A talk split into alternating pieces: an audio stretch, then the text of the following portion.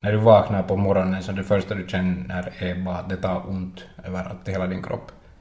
Liksom ryggrad, knän, handleder, du är helt sådär, vet du, det tar en halvtimme för dig att komma upp på benen igen. Att, vet du, försök, försök igen dra sig upp ur sängen och, och göra samma sak igen. Så då var, var det så att nej, att nu är det nog för mycket. Att, att det här är inte hållbart. Det här är Olle, eller Oliver. Hans vänner kallar honom för Olle. Han jobbar i ett fine dining-kök som kock.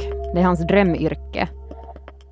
Tills han en dag får svårt att öppna burkar och hålla i en stekpanna. Läkarna säger till honom att du har ett val. Antingen slutar du som kock och blir frisk, eller så fortsätter du och kommer bli jätte, jättesjuk. Han har reumatism. Det här är någonting som han har gått och pantat på jättelänge. Det tog närmare åtta år för honom att börja prata öppet om det här.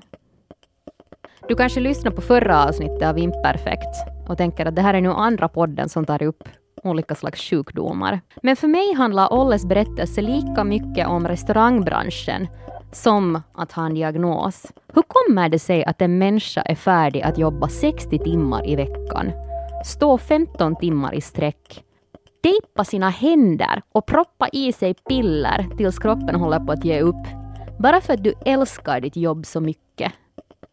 Det här är Olles berättelse om varför han valde restaurangbranschen över sin hälsa och varför det tog honom så länge att ändra sig. Jag heter My Engström. Det här är inte perfekt.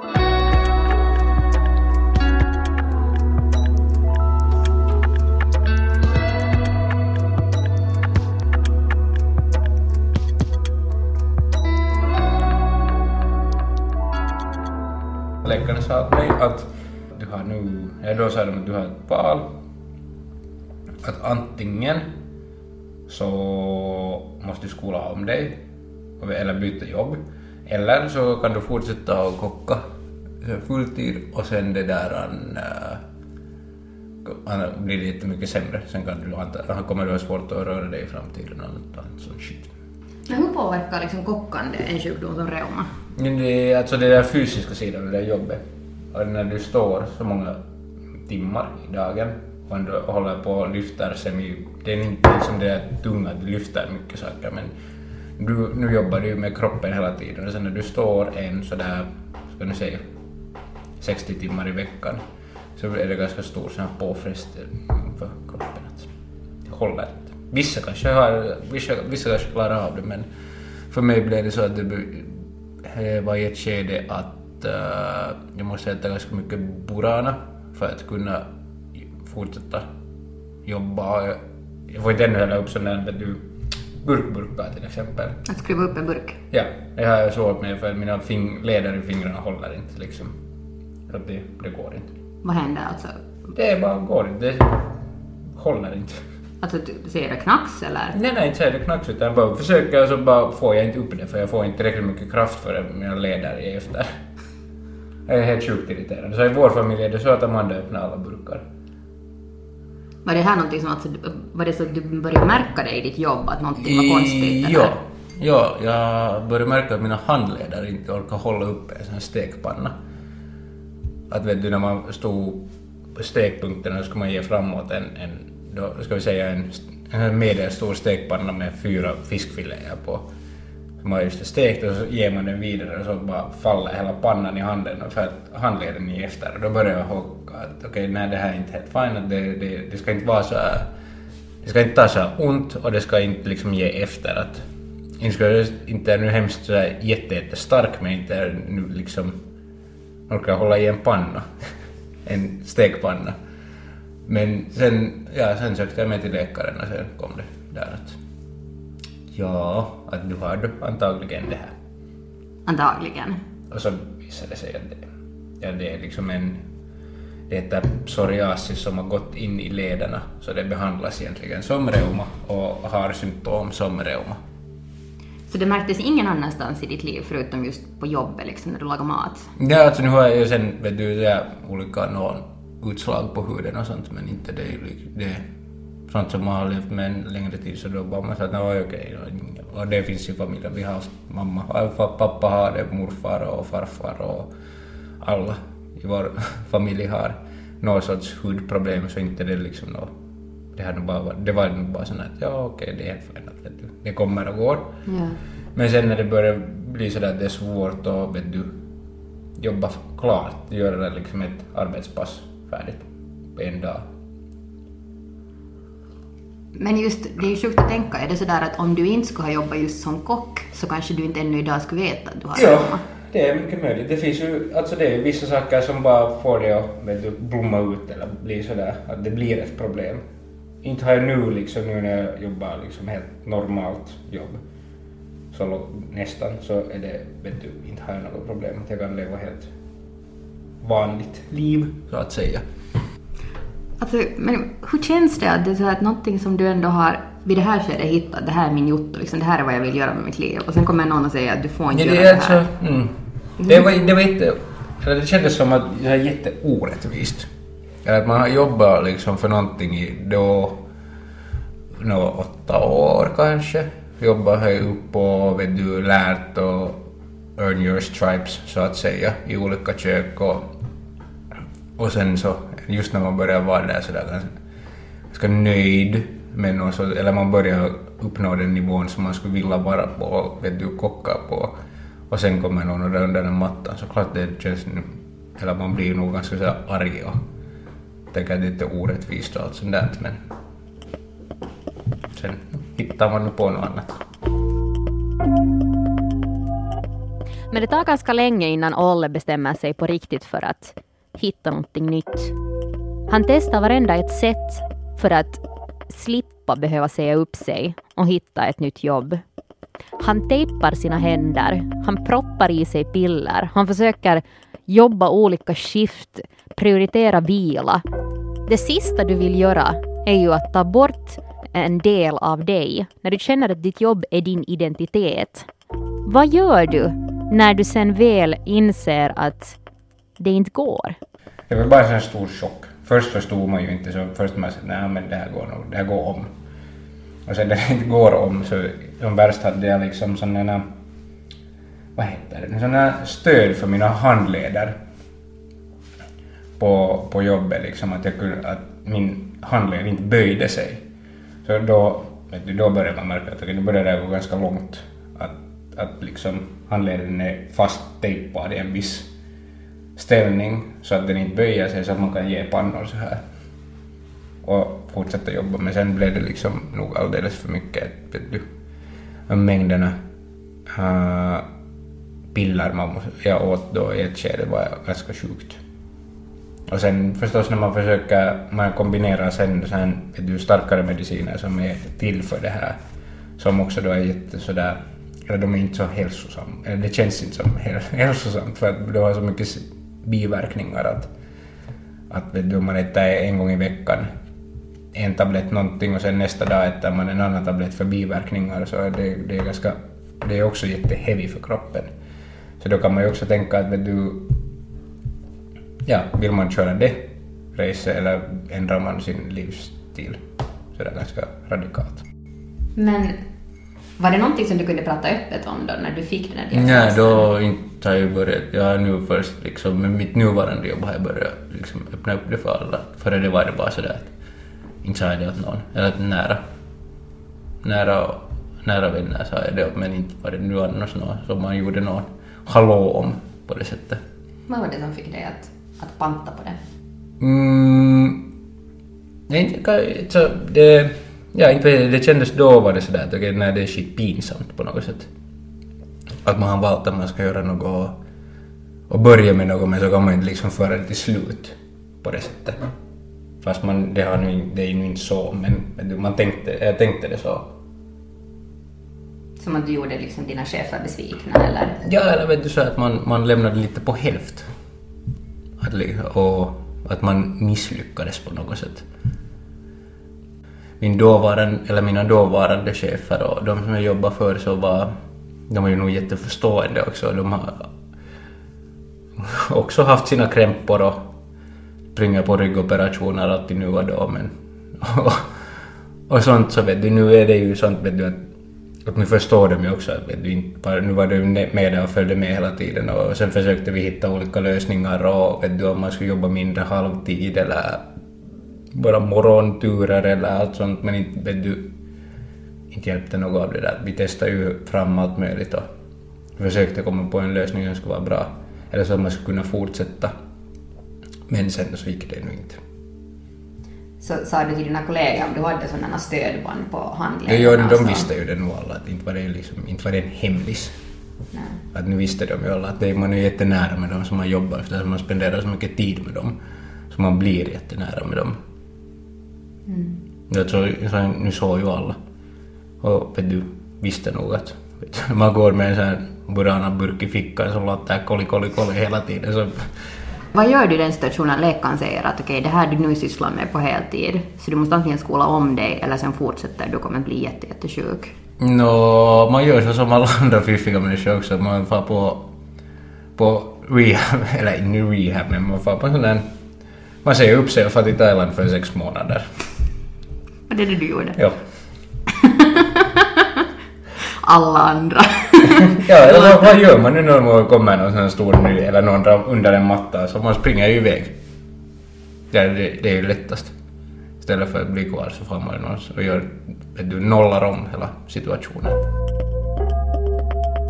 Det som jag inser när jag pratar med Olle är hur mycket att jobba inom restaurangbranschen, speciellt inom fine dining-kök, verkligen är en livsstil. Det påminner lite om något slags um, konstnärsyrke eller att jobba inom musikbranschen. Alltså när det kommer till intensiteten och hur mycket det styr över resten av ditt liv. Det är svårt att förutspå dina arbetstimmar. När du går in i den här världen och jobbar med andra som är lika dedikerade och passionerade så gör du val som inte kanske är logiska för resten av världen utan bara styrs av den perfekta maten på restaurangen och din passion för matlagning.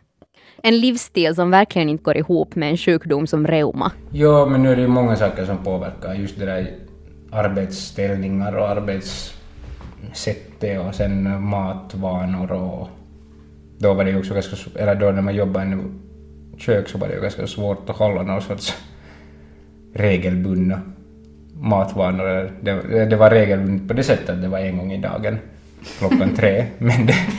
Men det men, och sen åt du inte på 24 timmar? Man hinner inte. De restauranger jag har jobbat på så har varit ganska sådär... Det har varit ganska... Eller klart man själv också har velat vara där att, och, och inte det är någon som har sagt att du måste vara här de här timmarna utan man, man ger ut så mycket man kan av sig själv. Eller man vill ju göra det. Det är jag, man vill göra det förstår att alla inte orkar med det men sen blir man bara på något sätt tappar all logik och bara gör det. Och sen när man är liksom hela tiden, och sen är det ju också det att du, man hela tiden står, om du står i vet du, 13 timmar i dagen och lagar mat så vill du inte se mat när du inte är på jobb. Du vill inte ha något med det att göra. Men eh, ser du inte ändå som någon bränsle att du skulle äta vet du, bara tonfisk ur en burk bara för att du vet att kroppen behöver någonting? Liksom? Mm. Och nu äter man ju hela tiden lite, man smakar ju när man lagar så måste man ju smaka på allting men, men man blir inte på det sättet hungrig. Eller ja, kanske några blir, jag har, jag, jag har sånt att jag, jag blir nog inte, om jag, om jag gör ett liksom arbetspass så är det nog, man äter den där lunchen där som med alla andra i krogen och, som jobbar där och här, en stor lunch. Klockan tre ish och det är det. Då är det, och då är det ofta något inte liksom sådär, det är inte, man äter inte sallader utan liksom, no, lasagne var ganska mycket och alla möjliga liksom laxsoppor och nej, ready mat. När det inte gick mera att jobba i kök så flydde Olle alltså till Thailand. Han fick lite avstånd från sitt liv i Finland, kom tillbaka, började jobba med andra saker men så ringer telefonen en dag. Det är hans gamla kollegor från restaurangen som nu ska starta en ny krog och de vill ha honom med. Han tvekar inte en sekund innan han säger ja. För fastän han har facit på hand att okej, okay, det sket sig senast, så finns det en del av honom som tänker att äh, kanske det är annorlunda den här gången. Kanske min kropp ändå orkar lite längre till, så att jag åtminstone får vara med och starta min egen krog. Det här blir också sista gången som han jobbar heltid som kock på en restaurang. Men vad är det med restaurangbranschen som får honom att vilja gå tillbaka? Inte Liksom Man har nog fel i huvudet. Man, man, man bara... Jag vet, alltså det är jättesvårt att förklara men, eller för mig var det så att jag var liksom... ja, Jag älskade det där, det där jobbet, det var ju liksom det bästa som fanns. Det var ju liksom helt sjukt bra. Det var på alla sätt roligt att nu senast när vi då...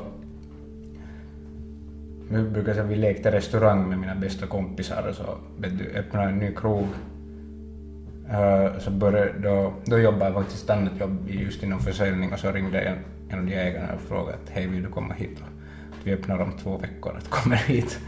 Och så att säga, ja att klart det. Att, att det tog, det, då hade det varit just så här, vänta i två och ett halvt år efter den första domen så var jag så att ja, kanske det har gått bort. Ja, nu kan jag testa på nytt.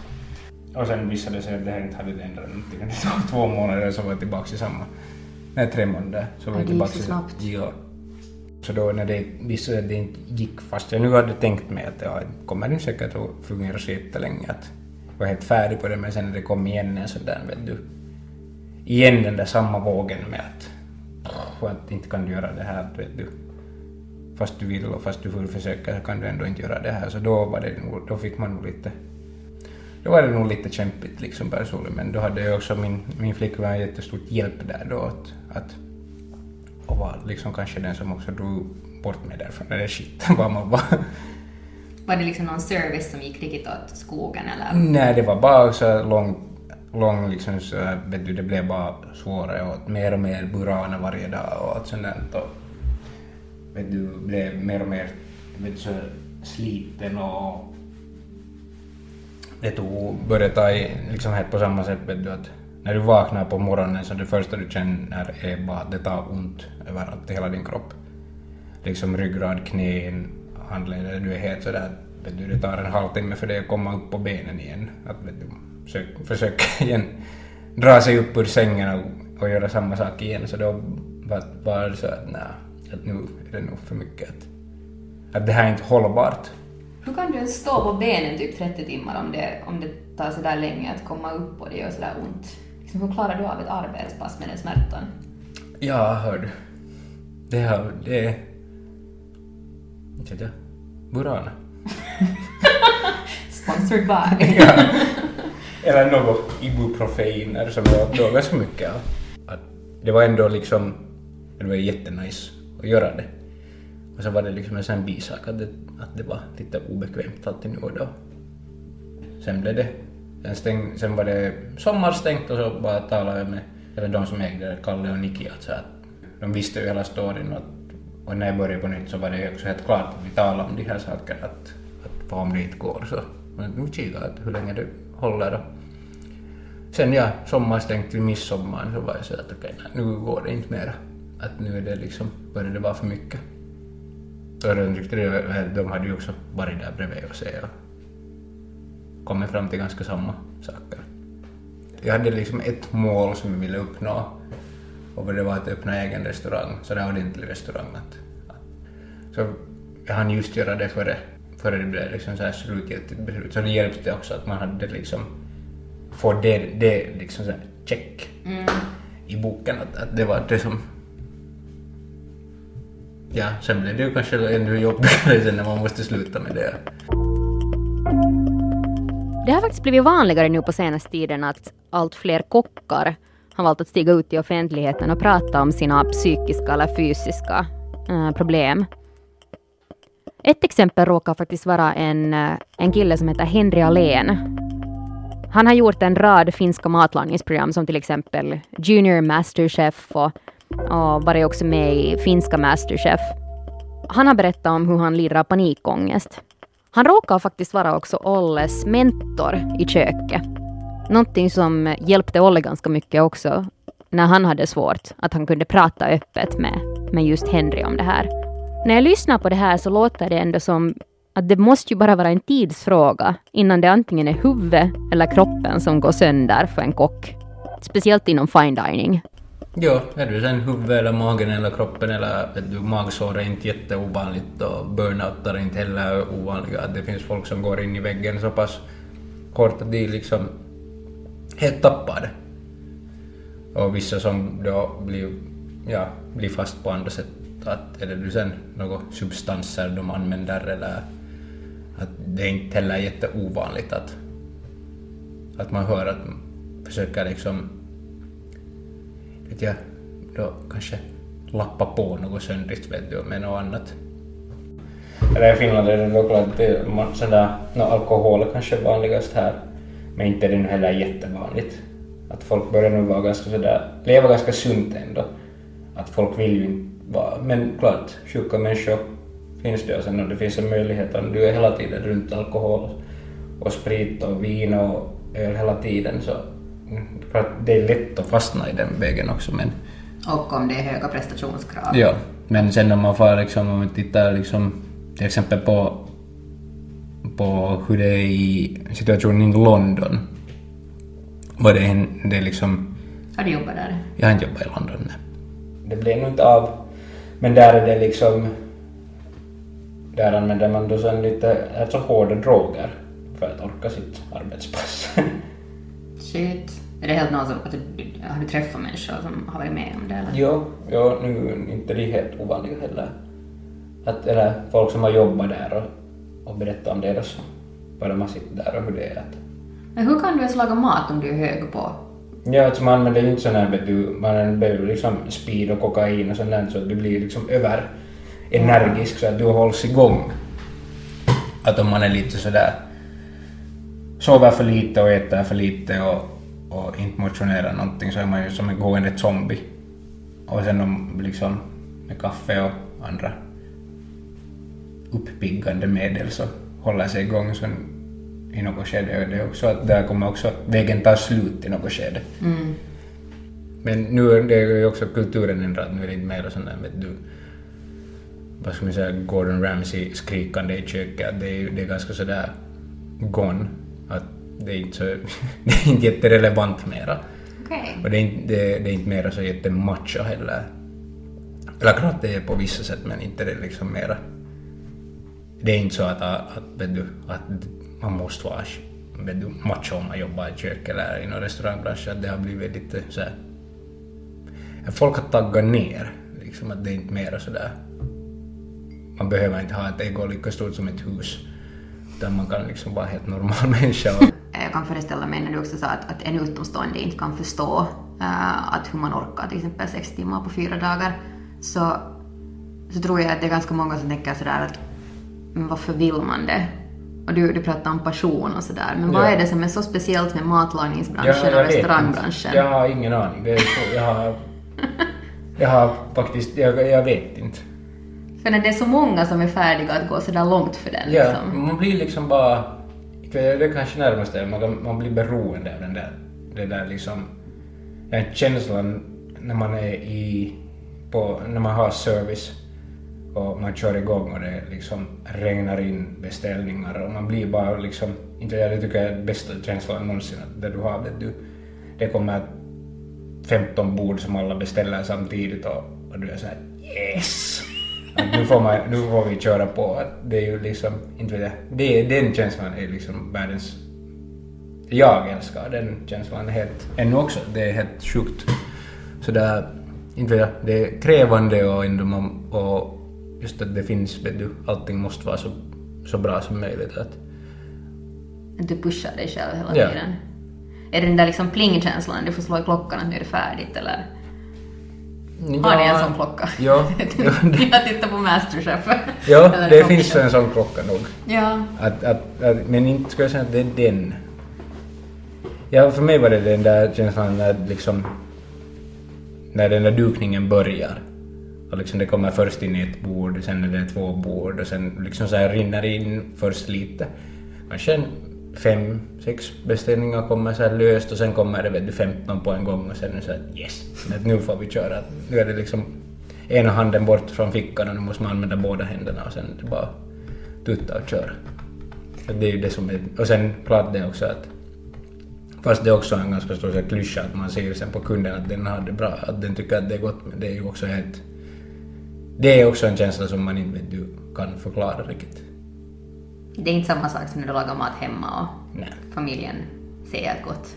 Nej, för, nej, ja, nej, för det, det är ett helt annat forum. Att, uh, skulle säga att ni, liksom, om någon lagar mat hemma mm, så är det alltid gott för att någon lagar det med omtanke och någon som den bryr sig om och sådär.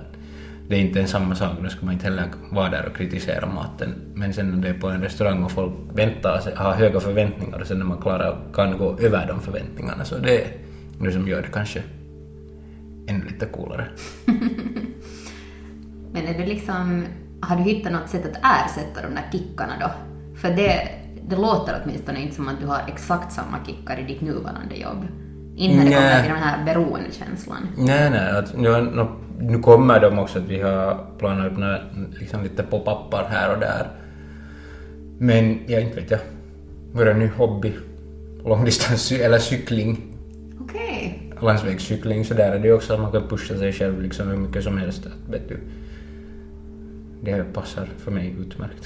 För det låter lite som att- en jämförelse med ett maratonlopp, liksom det där att du börjar långsamt och sen mitt i allt så att okej, nu kör vi in fulla Ja, sen, sen när det blir svårt så sen, sen är det bara vet du, att sätta, sätta bara liksom, mer gas på bara egentligen. Det är ju det. Att, Samtidigt så är det liksom allt det där du beskriver så är det där fångar också lite vårt prestationssamhälle i Ja. ett. Liksom allt det där att det måste vara perfekt och nu fullt ös och det finns ingenstans, det är att vinna eller försvinna liksom. Ja, men det, jag tror att det beror mer på att jag är själv lite tävlingsinriktad och har alltid varit. Och, så att jag tror att det är det som är liksom där är bakgrunden till det. Att, vet du, att det har också som, som yngre så hållit på att idrotta en del så därifrån kommer det säkert något kvar leva av det att man vet du, hela tiden måste prestera. Idag har eh, Olle hittat den bästa kompromissen. Han jobbar med ett projekt som erbjuder gratis matlagningskurser åt unga.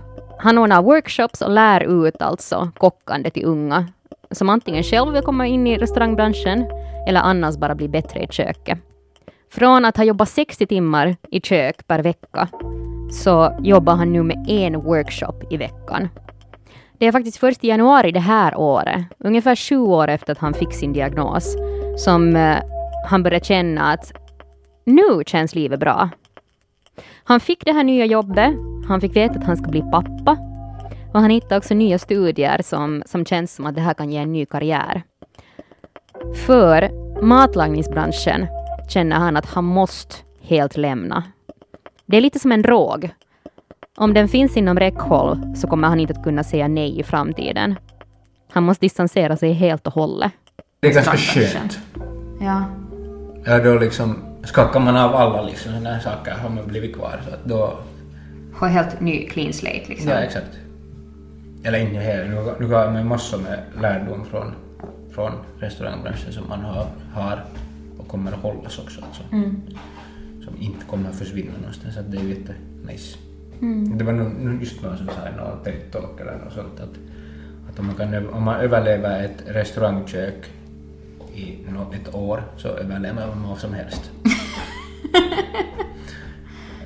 Men det, det nå, på ett sätt är det ganska sant. Men, Men varför är det du vill helt lämna det? Liksom, finns där ändå dåliga minnen eller någonting? Att det ja, känns som ja, att... det kanske finns en kvarlevor.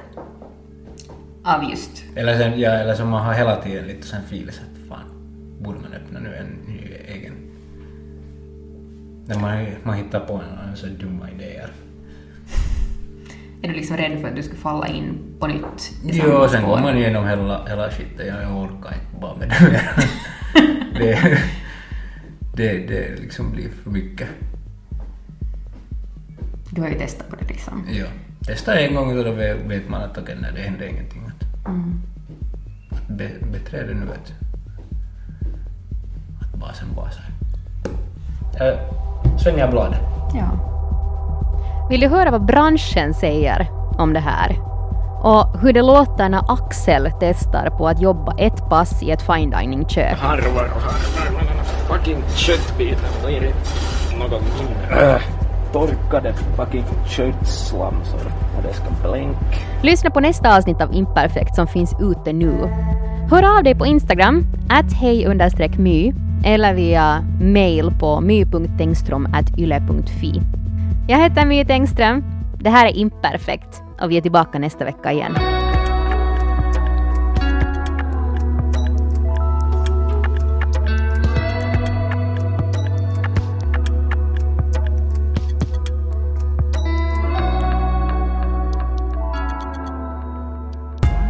Det här är en Svenska Yle-podd.